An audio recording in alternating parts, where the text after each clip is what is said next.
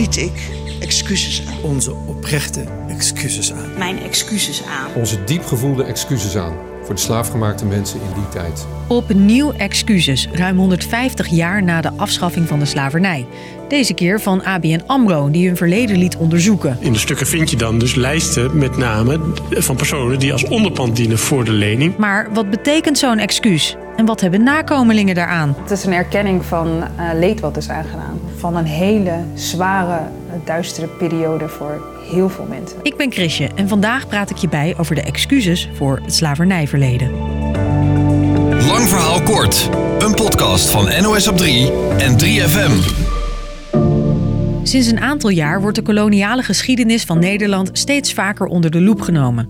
Zo dook een aantal steden in hun slavernijverleden. Amsterdam. Geen enkele nu levende Amsterdammer heeft schuld aan dat verleden. Maar als bestuur nemen wij wel onze verantwoordelijkheid hiervoor. Ook de stad Utrecht onderzocht haar rol. Vandaag erkennen we het leed dat zoveel onschuldige volwassenen en kinderen is aangedaan. En Rotterdam. We sluiten onze ogen niet langer voor de betrokkenheid van onze voorgangers bij slavernij en kolonialisme. En na de steden volgde de Nederlandse Bank, de financiële organisatie. Die liet historici in kaart brengen hoe zij betrokken waren bij de slavernij. De mate waarin mijn ambtsvoorgangers zich hebben ingezet om het afschaffen van de slavernij te voorkomen, dat heeft mij wel geraakt. En nu dus ook ABN AMRO, een van de grootste banken in Nederland. De voorlopers van ABN bleken een grote rol te hebben in de slavernij, zagen onderzoekers in de archieven. Wij laten zien in dit onderzoek dat tussen een kwart en een derde van alle opbrengsten voortkwam uit slavernijgerelateerde activiteiten. Gevolgd door excuses dus. Die zijn belangrijk voor de nakomelingen van tot slaafgemaakten, vertelt Linda nooit meer van het kenniscentrum Nederlands Slavernijverleden. Dus die mensen die, die bestonden niet. En met de excuses krijgen ze weer waardigheid. Met de excuses worden ze weer gezien. En wij als nazaten nemen die in ontvangst voor hun, want hun leed moet erkend worden. Het is dus voor een groot deel erkenning. Daarom is er ook al jaren een roep om een landelijk excuses van het kabinet. Maar die zijn er tot nu toe niet.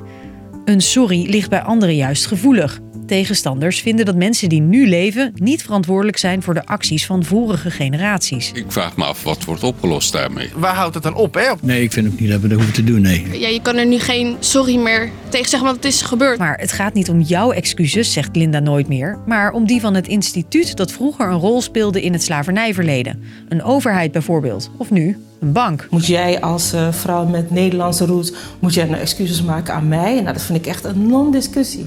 Daar gaat het niet over. Ik heb een witte man. Je zegt toch ook niet tegen hem dat hij elke dag excuses naar mij te moet maken? Met excuses erken je ook de gevolgen van de slavernij, zeggen nazaten zoals Cheryl. Mensen hebben een achterstand ontwikkeld.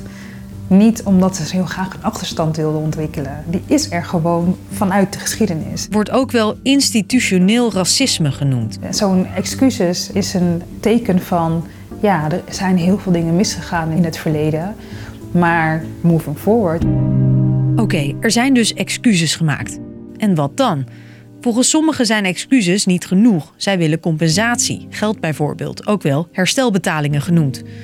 Dat gebeurde tot nu toe nog niet, al kwamen gemeentes wel met andere vormen van herstel. De gemeente wil die mensen tegemoetkomen door uh, uh, te vergoeden wat het kost om je naam te wijzigen. Gaat over de gemeente Utrecht die een gratis naamswijziging invoerde, legt deze regionale verslaggever uit. Mensen die slaaf tot slaaf werden gemaakt, die verloren hun eigen naam en kregen bij de officiële afschaffing van de slavernij een nieuwe achternaam toegewezen, vaak door een ambtenaar.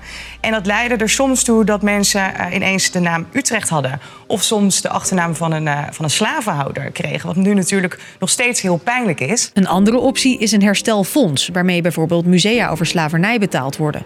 Dat adviseerde een commissie vorig jaar, maar daar zijn eerst landelijke excuses voor nodig. En zoals ik net vertelde, die zijn er nu niet. De excuses, dat vind ik nogal wat. Of die er ooit gaan komen en wat daar dan de gevolgen van zijn, is moeilijk te voorspellen. Al verwacht Linda nooit meer, na ABN AMRO, nog meer excuses. Eigenlijk kan ik me niet voorstellen dat er nu niet een CEO is van een ander bedrijf... die denkt van, goh, ik laat mij eens in de archieven kijken, laten kijken... of ons bedrijf geen slavernijverleden heeft. Dus, lang verhaal kort. Net als drie grote steden eerder al deden, biedt ABN AMRO nu ook excuses aan voor hun rol in het slavernijverleden. Die zijn belangrijk voor de erkenning van het leed van tot slaafgemaakten, zeggen nakomelingen. Terwijl sommigen het te lang geleden vinden voor een sorry. En zijn excuses eigenlijk wel genoeg of moet er compensatie komen? Daar is nog discussie over. Dat was de podcast voor vandaag. Morgen zijn we er weer rond vijf. Tot dan.